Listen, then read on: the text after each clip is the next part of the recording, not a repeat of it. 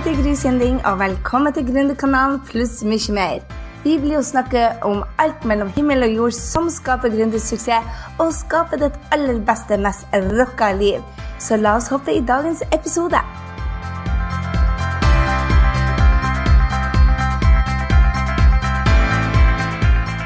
Hei, jeg heter Gry, og velkommen igjen til Gründerkanalen. Du, I dag skal du få møte en av mine aller beste venninner her i New York. Hun er altså en av de mest glamorøse damene jeg vet om. Og hun ser alltid ut som en rockestjerne. Jeg elsker å være rundt Kjersti, for hun har en sånn interesse for andre mennesker. Hun får deg liksom til å skinne hver gang du er i lag med henne. Og hvorfor har jeg tatt henne med på Gründerkanalen, og hvorfor vil jeg at du skal møte henne? Det er for at det er ingen som er så dyktige til å få folk til å åpne seg på kort tid og dele av deres kunnskap og deres erfaring og deres geni som Kjersti er. Så jeg ville dra ut av henne hemmeligheten. Hva er det som får henne til å, å bli så connecta til Anne Hathaway eller Robert Redford eller Brad Pitt? Hva er det som hun gjør som å få ut den den kunnskapen og få dem til å dele så fort som hun gjør.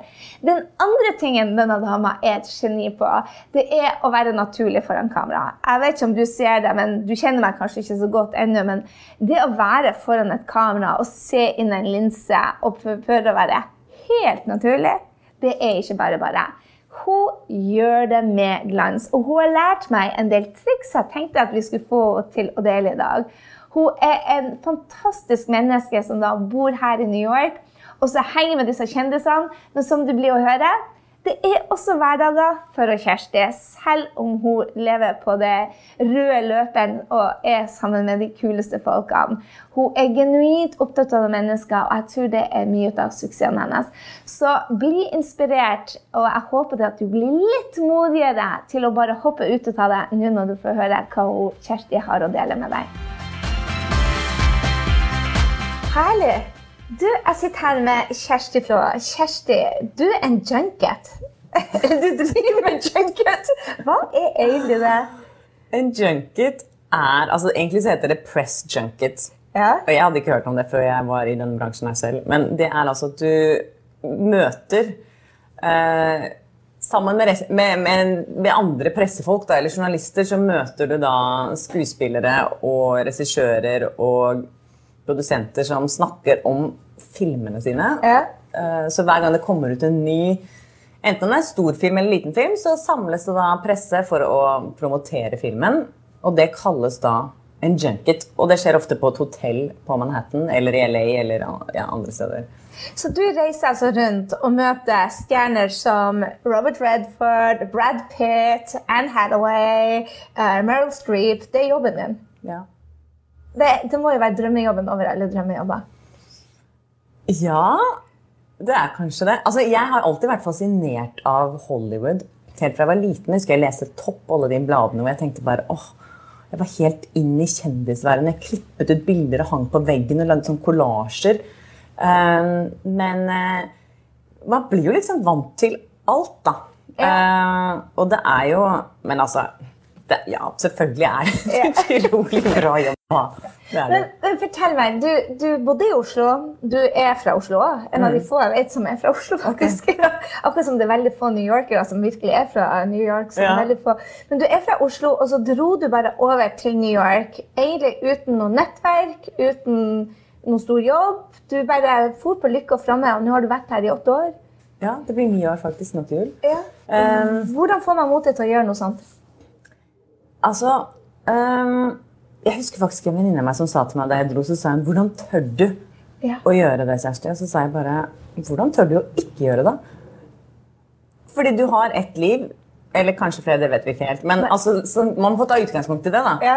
Og hvis man da har lyst til å gjøre noe, og så lar man, hold, bli, lar man seg selv bli holdt igjen av at man er redd, da tror jeg kanskje at man kommer til å angre på ting i livet.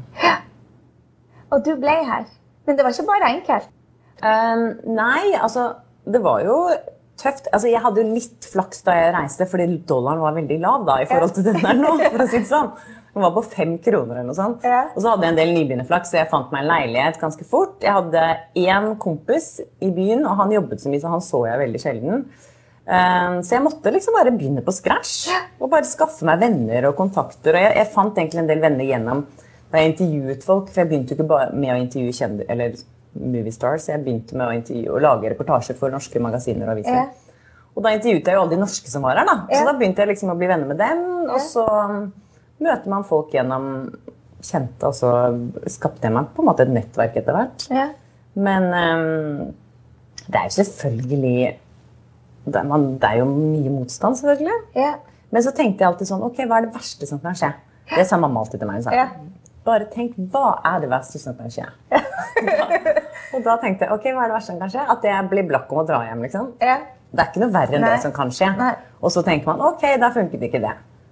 Så jeg tok bare utgangspunkt i det, egentlig. Og så hoppa det bare En av de tingene som fascinerer meg mest med deg, det er hvordan du klarer å bare Altså den, den selvtilliten du har med å være sammen med hvem det skal være. Når jeg var sammen med Eva Atling, som jeg møtte gjennom deg, eller Lauren, som jeg møtte gjennom deg, jeg, vet, jeg møter så mye kjente mennesker, så får jeg litt den der Uh, jeg er liten, og de er storfølelsen. og bare, Jeg får litt sånn uh, starstruck, hvis du skjønner hva jeg mener. Ja. Det gjør ikke du. Jeg vet ikke. Altså, jeg blir jo utrolig fascinert av, av mennesker. Ja. Um, men jeg tror kanskje den starstruckheten den forsvinner jo litt etter hvert. Jeg var veldig starstruck. Mitt aller første intervju var med Samuel L. Jackson.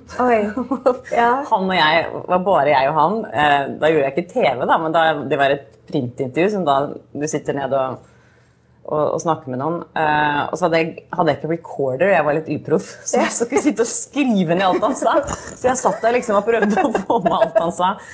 Og nei, det var så kleint. Og, men altså, og jeg holdt det på å dø før jeg gikk inn der, liksom. Ja. Men um, etter hvert så venner man seg på en måte til å møte For man tenker bare at ok, dette er bare det er mennesker. Men det jeg blir mer nervøs over, er kanskje hvordan skal jeg få til den samtalen jeg vil ha? Ja. Eller jeg trenger. For jeg har jo veldig mye press på meg fra andre. Jeg, hvis mine intervjuer ikke er bra, så er det ingen som vil kjøpe dem. Nei. Så Så hva er det du gjør da for å, å forberede deg til å få gode intervjuer? For jeg driver jo og intervjuer deg, blant annet. Jeg ønsker å vite hva er det som skal til for å Ja. være sammen med noen du ser etter. For mange gründere har jo den utfordringa at de skal selge inn ideen sin, eller at de skal uh, få noen til å tro på dem, eller kunder. Det er jo, det er jo salg du driver på med. Ja. Så hva er det som skal til for å ha den confidencen, tenker jeg. Men det jeg hører du si da, er at det er øvelse der òg. Altså Selvfølgelig er det jo litt øvelse. Det er det jo. Men, men jeg tror det mange journalister gjør, som, når jeg ser på andre journalister, som, som jeg lærer av også Det jeg tror mange gjør feil, da, det er at det, når de spør et spørsmål, så hører de ikke etter på svaret. Fordi, og det kan skje når man blir nervøs. Så, så tenker man heller hva skal jeg spørre om, hva er det neste jeg skal spørre om? Ja, er sånn- Istedenfor å tenke ok, nå skal jeg sitte faktisk og høre hva han eller hun sier. Og da kan en god samtale komme ut fra det, for da tenker du å ja, det kan vi bygge litt videre på. Og så går kanskje ikke planen akkurat som man tenkte. Nei.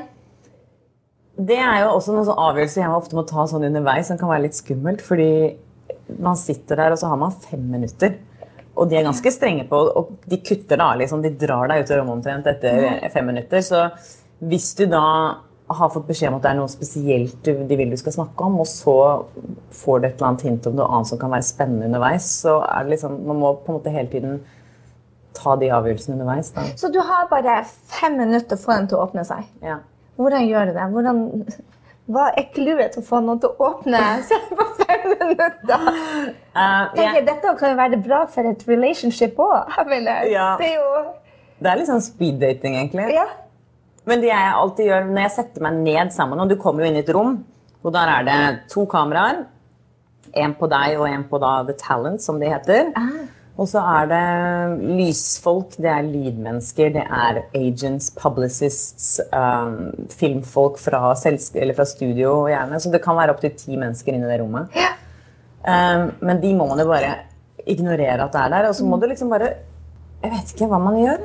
Man, man kanskje det å smalltalke litt sammen med noen før man setter i gang og spør spørsmål, ikke bare skyter rett på bare hei, og så setter seg ned. Men jeg sier hei, hvordan har du det i dag? Og filmen snakker kanskje litt sånn smalltalk om filmen eller whatever. Um, ja, nei, jeg vet ikke.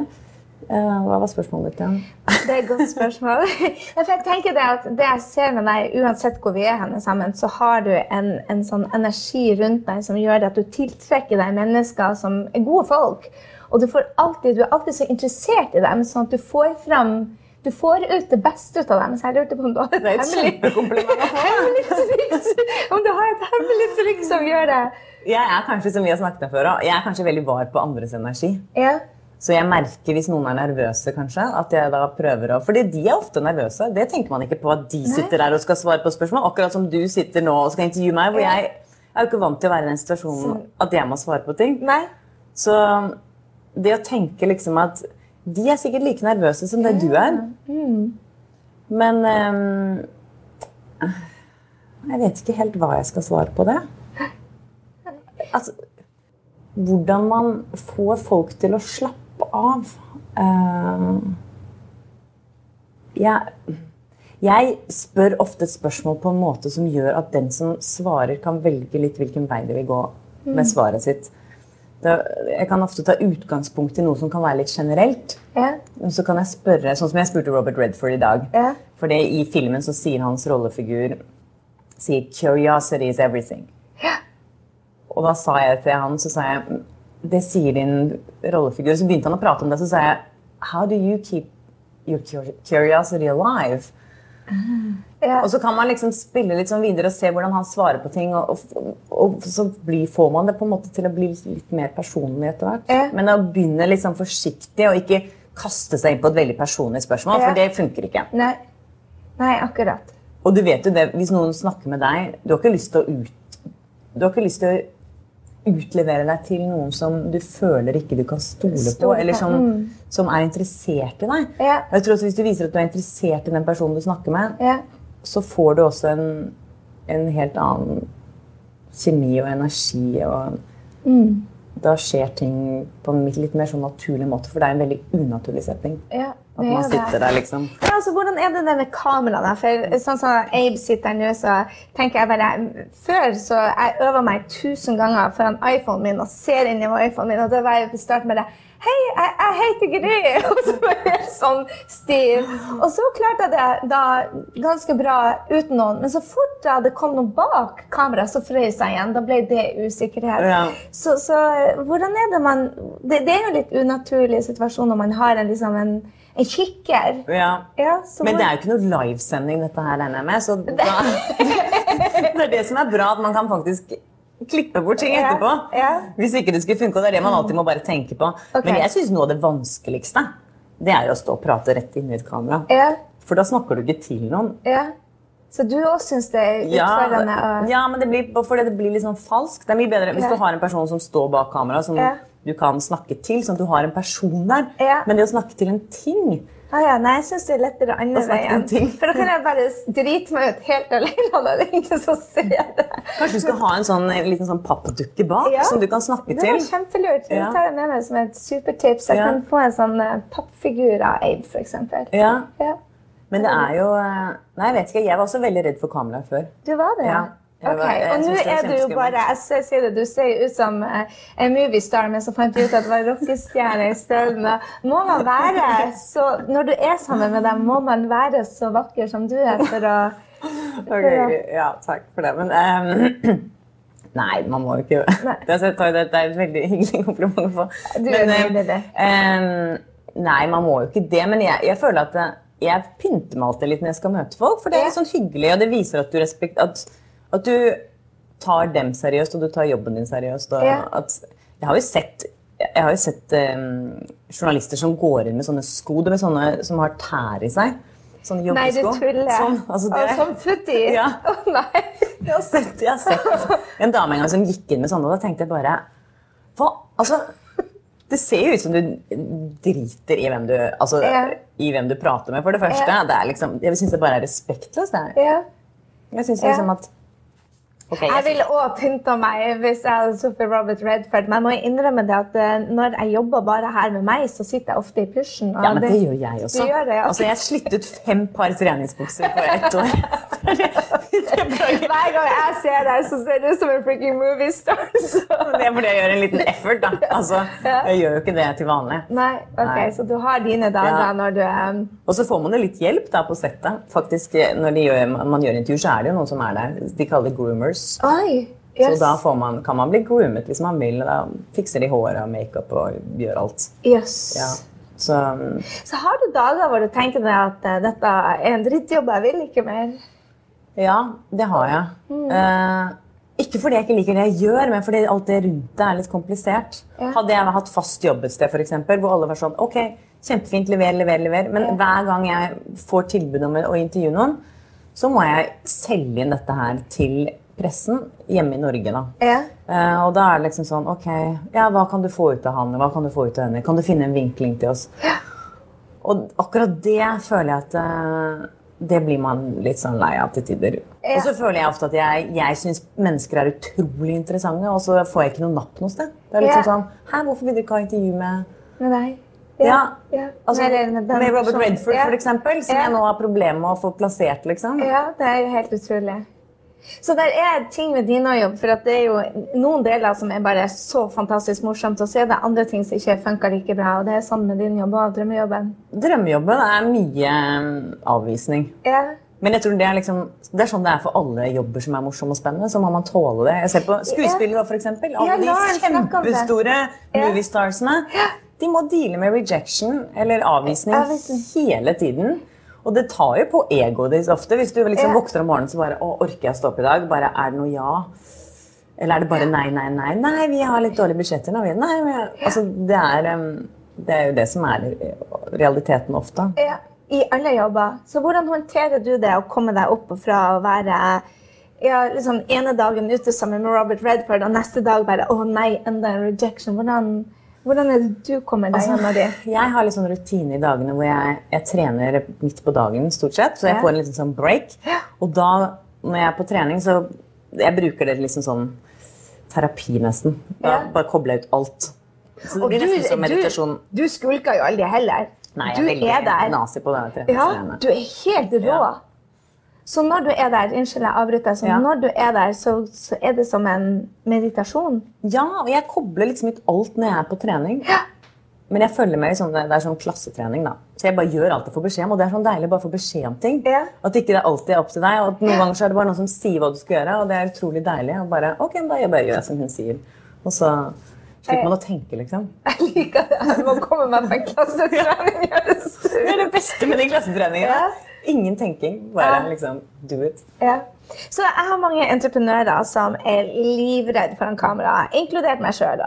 Så hva er ditt tips da for å komme, bli mer naturlig og tørre å virkelig utlevere seg? For de fleste er jo utrolig redd for å drite seg ut. Ja. Og når det først ligger der ute på YouTube, så er du Du får det ikke til livet ditt tilbake hvis du først har driti på draget. Så um, hva er ditt Jeg tror man må være litt sånn ærlig med seg selv. Altså man tenker at Det å være nervøs er ikke så ille. Egentlig så er det ganske bra å være nervøs, for når du er nervøs, så er du på en måte, da er du fokusert. Ja. Og det, det gjør at du kanskje blir enda mer fokusert enn det du ville vært hvis du ikke var nervøs. Men jeg tror også at det er veldig viktig å være godt forberedt. Jeg blir nervøs når jeg, for eksempel, hvis jeg står på en rød løper da, og skal gjøre intervjuer, og så plutselig er det noen som sier Hey, do you want to talk to the producer? Og så bare slenger de en eller annen person foran deg. Du bare uh, Jeg har ikke forberedt noen spørsmål. Jeg vet ikke hva han heter, hvem den personen er. Og så liksom bare hoppe inn i noe og bare Oh, this was so amazing. Og så har du ikke sett filmen engang. Ja. Og på en måte prøve å finne på noe sånn på sparket. Ja. Det syns jeg er ganske ubehagelig. Men det å, når du er veldig godt forberedt, og sånn som jeg alltid har med meg eh, notater tilfelle du får liksom Alle kan få um, Hva heter det? Jernteppe. Jernkjappe heter det. Alle kan få jernteppe. Ja. Og um, da er det liksom det at du vet at du, har en backup-plan der. Ja. Og så tenke at ok, hvis du ser nervøs ut, så er det greit. liksom. Det gjør jo ikke noe å se litt nervøs ut. Det gjør kanskje at folk bare relaterer seg enda mer, tror jeg. Ja, jeg tror også det.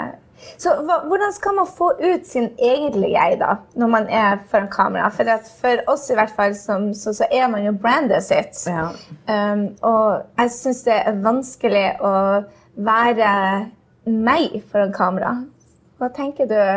man er vel kanskje Jeg vet ikke. Alle har på en måte sitt alter ego foran et kamera. Sånn som Beyoncé har sin Sasha Fierce, som hun alltid er. Ja. Og så tror jeg kanskje at kanskje man bare skal finne sin Sasha Fierce. Og så skrur man Man spiller på en måte et skuespill når man er foran kamera. Man er jo ikke helt naturlig. Ikke, vi hadde jo ikke sittet sånn og pratet hvis ikke det kameraet hadde vært der. For Nei, vi hadde ikke det. Så jeg Jeg tror jeg hadde avbrutt deg mye mer. Og sagt ja, ja, ja, ja. Nå bare bite my freaking tongue. Ja. Nei, men jeg tror at um, uh, Hva var det vi snakket om igjen? Eh, jeg tenker det å være sitt Du Ja, snakker om. Sasha, Sasha, hva Ja, Sasha Fierce? Hvem er du, da? Hvem er jeg? Jeg vet ikke hvem jeg er. Jeg har vel ikke noe sånn spesiell jeg er. Men jeg, jeg merker at jeg, har, jeg trer liksom inn i en rolle. Ja. Og det gjør man. Og Man, er, liksom, man har sin profesjonelle rolle, og så har man sin rolle når man sitter hjemme i pysjen. ja. Og den rollen man er inne i pysjen, den vil man helst ikke være foran Robert Redford, f.eks. Altså, kanskje når man kjenner ham veldig godt, så Ja. vil man sitte i pushen. Men, Skulle gjerne vært der. men um, å være seg selv jeg vet ikke, Alle snakker alltid om at du skal bare være deg selv. Må Ja. være deg selv hele tiden. Men altså, den jeg egentlig er, det bare jeg som vet hvem. Er alle sine egne tanker. Det, man har, det er mye rart som foregår oppi der, som man aldri vil dele med noen andre. Har du det sånn? ja. Eh, Så jeg tror kanskje at um, man må finne liksom en sånn gyllen middelvei på hvem man yeah. egentlig er, og hvem man vil være utad. Yeah. Um, men i dag snakker alle skal liksom ha den sånn perfekte utgaven av seg selv hele tiden. Sånn er det blitt med sosiale medier og alt. Du er jo veldig flink til å legge ut usminkede bilder på joggetur og sånn, men det er jo Det var en som spurte meg i, i dag på, på den videoen, og så bare spør jeg er dette, en, er dette egentlig Kristian Valen? og tenkte jeg vet ikke om det er et kompliment eller det? Jeg vet ikke, jeg så vel kanskje litt hysterisk ut. Men det jeg tenker er at når du blir, eh, legger ut ting av deg sjøl, om det er på video eller på bilde, så har folk en mening om deg. Har du opplevd at folk har meninger om deg på YouTube-channel? Du har jo fantastisk mange følgere deg. Har folk meninger om deg som ikke kjenner deg? Ja, det har de. Um, ikke, jeg har ikke fått sånn kjempemye negative ting. Jeg får noen innimellom. Og når folk liksom slenger liksom dritt, så bare delete jeg det. For da er det sånn, ok, dette er ikke noe poeng, liksom. Men Nei. noen ganger så har jeg fått kommentarer da, som kanskje ikke er så hyggelige. Men det, det jeg gjør da, er at jeg svarer dem. Men jeg svarer dem hyggelig, liksom. Så sier jeg ok, I'm sorry you feel that way, but uh, bla, bla, bla. Og da plutselig, altså faktisk hver eneste gang jeg har gjort det, så har de kommet tilbake og så har de sagt dette. Oh, I'm so sorry. uh,» For de vet ikke at det er min personlige kanal, kanskje. det vet jeg ikke. Men i hvert fall med en gang de ser at jeg har lest det og svarer, Ja. så blir de med en gang sånn Å, nei, nei, nei, eh, det mente vi ikke sånn. Og nei, jeg trekker tilbake. Det var ikke Og det har faktisk skjedd så mange ganger. Så jeg tror det at folk sitter der, så er du kanskje i dårlig humør den dagen, og så bare tenker du Å, hvem er den personen? Nei, hun likte jeg ikke akkurat nå. Da skriver jeg noe stygt. Bare fordi man er irritert, liksom. Ja. Så har det egentlig ikke noe med deg å gjøre. Nei. Og det når man føler at man må si noe negativt om noen andre, så det, kommer jo det som regel fra at man ikke har det bra selv. Jeg er enig med deg. Spesielt nordmenn. Jeg må bare si det, at jeg synes nordmenn er ganske Altså, De er ekstreme på å rakke ned på andre. Det er ikke et bra trekk vi har. Og jeg tror kanskje den eh, jeg tror kanskje den overgangen til USA blir så veldig stort av, Mm. fordi at her eh, leter virkelig alle sammen etter noen positive Ja. å. Uansett hvor du går hen. Ja. Jeg var nettopp hjemme i Norge hvor jeg var nervøs for et skoletreff.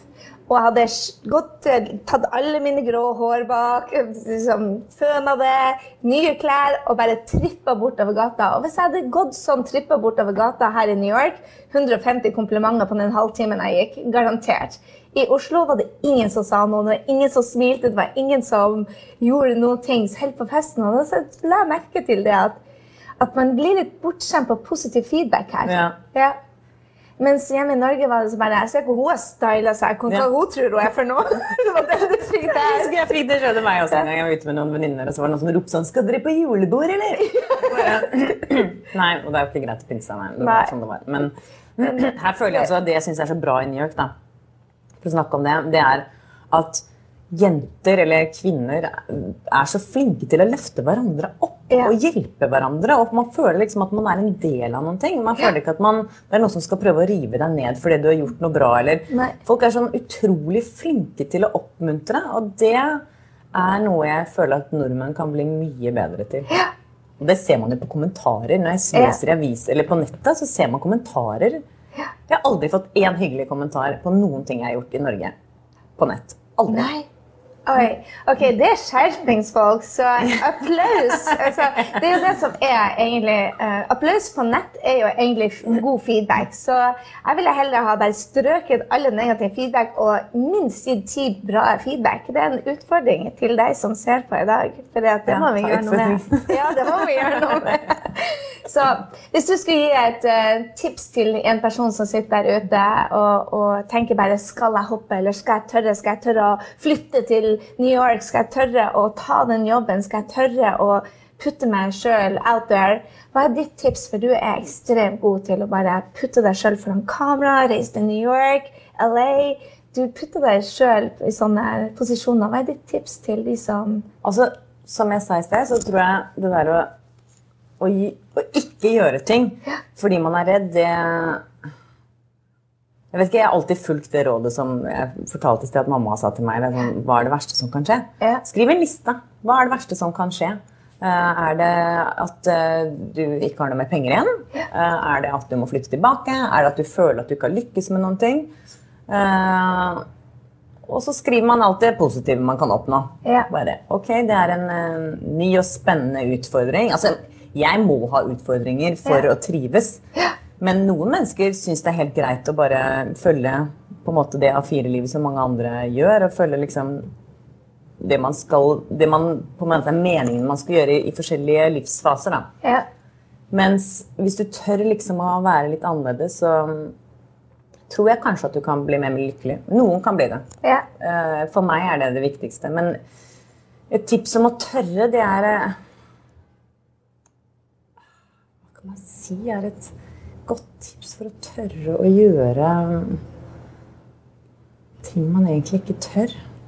Altså, Det føles veldig bra etterpå. ja. Fordi da tenker man ok, jeg turte hver gang jeg går inn for intervju nå, så tenker Ja. jeg bare ok, åh. Mens etterpå så er det sånn åh. Det er nesten som å gå på trening, vil jeg si. Ja. Ja, Du har ikke lyst, men du vet etterpå at det gjør så godt. ja. Ja, Du må tåle liksom smerte. ja. Du må tåle litt smerte. Og da blir det så utrolig deilig etterpå. Ja. Hva elsker du best med Norge, og hva er det du tar med deg det beste fra New York? Det jeg liker best fra Norge, er Jeg er selvfølgelig glad i norsk natur, men eh, jeg liker den norske humoren veldig godt. Ja. Og derfor så føler jeg at jeg connecter med nordmenn når man er i utlandet. Så har man en sånn egen connection, og vi kan le litt av de samme tingene. Ja. Men vi kan kanskje le litt av at, hvordan vi tenker noen ganger. Ja. I forhold til hvordan amerikanere tenker. Um, og så liker jeg um, jeg liker at det føles på en måte som man har en trygg base man kommer fra. Så det er alltid et sted man kan reise tilbake hvis man ikke skulle lykkes. Altså så er det liksom, man blir alltid, det er alltid noe som henter deg opp igjen når du Ja. faller i Norge. Ja. Mens her så er det, faller du på eh, ræva, så er det ingen som liksom plukker deg opp. Det er Systemet plukker deg ikke opp. Nei. Systemet i Norge er ganske fint sånn. Ja, Det må jeg si. Så hva er neste for Kjersti? Hva er det du drømmer om? Jeg drømmer om å eh, begynne å jobbe litt mer her for amerikanske kunder. Ja? Det er da mitt mål. Jeg, har jo lyst, jeg liker veldig godt å sitte og prate med folk Ja. og gjøre intervjuer. Ja. Så kanskje jeg kan få litt sånn andre typer intervjuer etter hvert. Ikke bare de femminutters sit Ja. down, men, jeg- men jeg får litt lengre, finere samtaler, sånn som dette. For eksempel. Um, ja, det tror jeg er mitt, um, mitt, mitt mål. Og kanskje ha noe som Ha en, en litt sånn safere inntekt, da, som kommer litt mer sånn Kanskje å tjene penger når man sover, det har jeg hørt også er veldig bra. Jeg er konstant på kjæresten om hun skal lage online-kurs. Så eh, det blir nok å se mer fra henne der. Bra, jeg håper det. og håper jeg også. Tusen hjertelig takk, Kjersti. Takk du er bare nydelig. Å, tusen takk. Veldig hyggelig å være her. Det var altså Kjersti Flå, en ekte superstjerne. Du, jeg håper det at du tenker deg nå at det er ingen shortcut til toppen. Det er bare hardt arbeid. Om du da jobber i TV-bransjen, eller om du jobber med filmstjerne, eller om du jobber med, eh, som gründer, så ser det veldig bra ut på Facebook, men det er hardt arbeid. Det er det. Og jeg håper virkelig det at du er en av de som sender Kjersti litt norsk love i dag på internett. For hun delte med oss nå at vet du hva, det er enda ikke noen norsker som har vært og sendt henne eh, gode kommentarer på YouTube. Og vi må bare rett og slett endre det. Vi må sende henne masse kjærlighet, for er det noen som virkelig får eh, kjendisene og de store her i Hollywood eller New York til å åpne seg, så er det hun. Så gå inn på bloggen min, grysynding.no blogg. Finn og Kjersti, og ikke minst del litt ekte norsk storhet, raushet, kjærlighet, kall det hva du vil. For det at hun trenger å få også vite det at vi i Norge vi er steingode på komplimenter. Vi endrer verden med å se andre. Det er for, tiden er forbi da vi hadde janteloven. Nå er det at vi damer vi heier på hverandre og løfter hverandre. Også de damene som har suksess. Ha en strålende, strålende dag der du er, og jeg håper at du ble inspirert til å rett og slett hoppe hvis du drømmer om noe stort. Bare hopp. Hva er det verste som kan skje? Sannsynligvis at man må gå tilbake til det man hadde. Bli inspirert.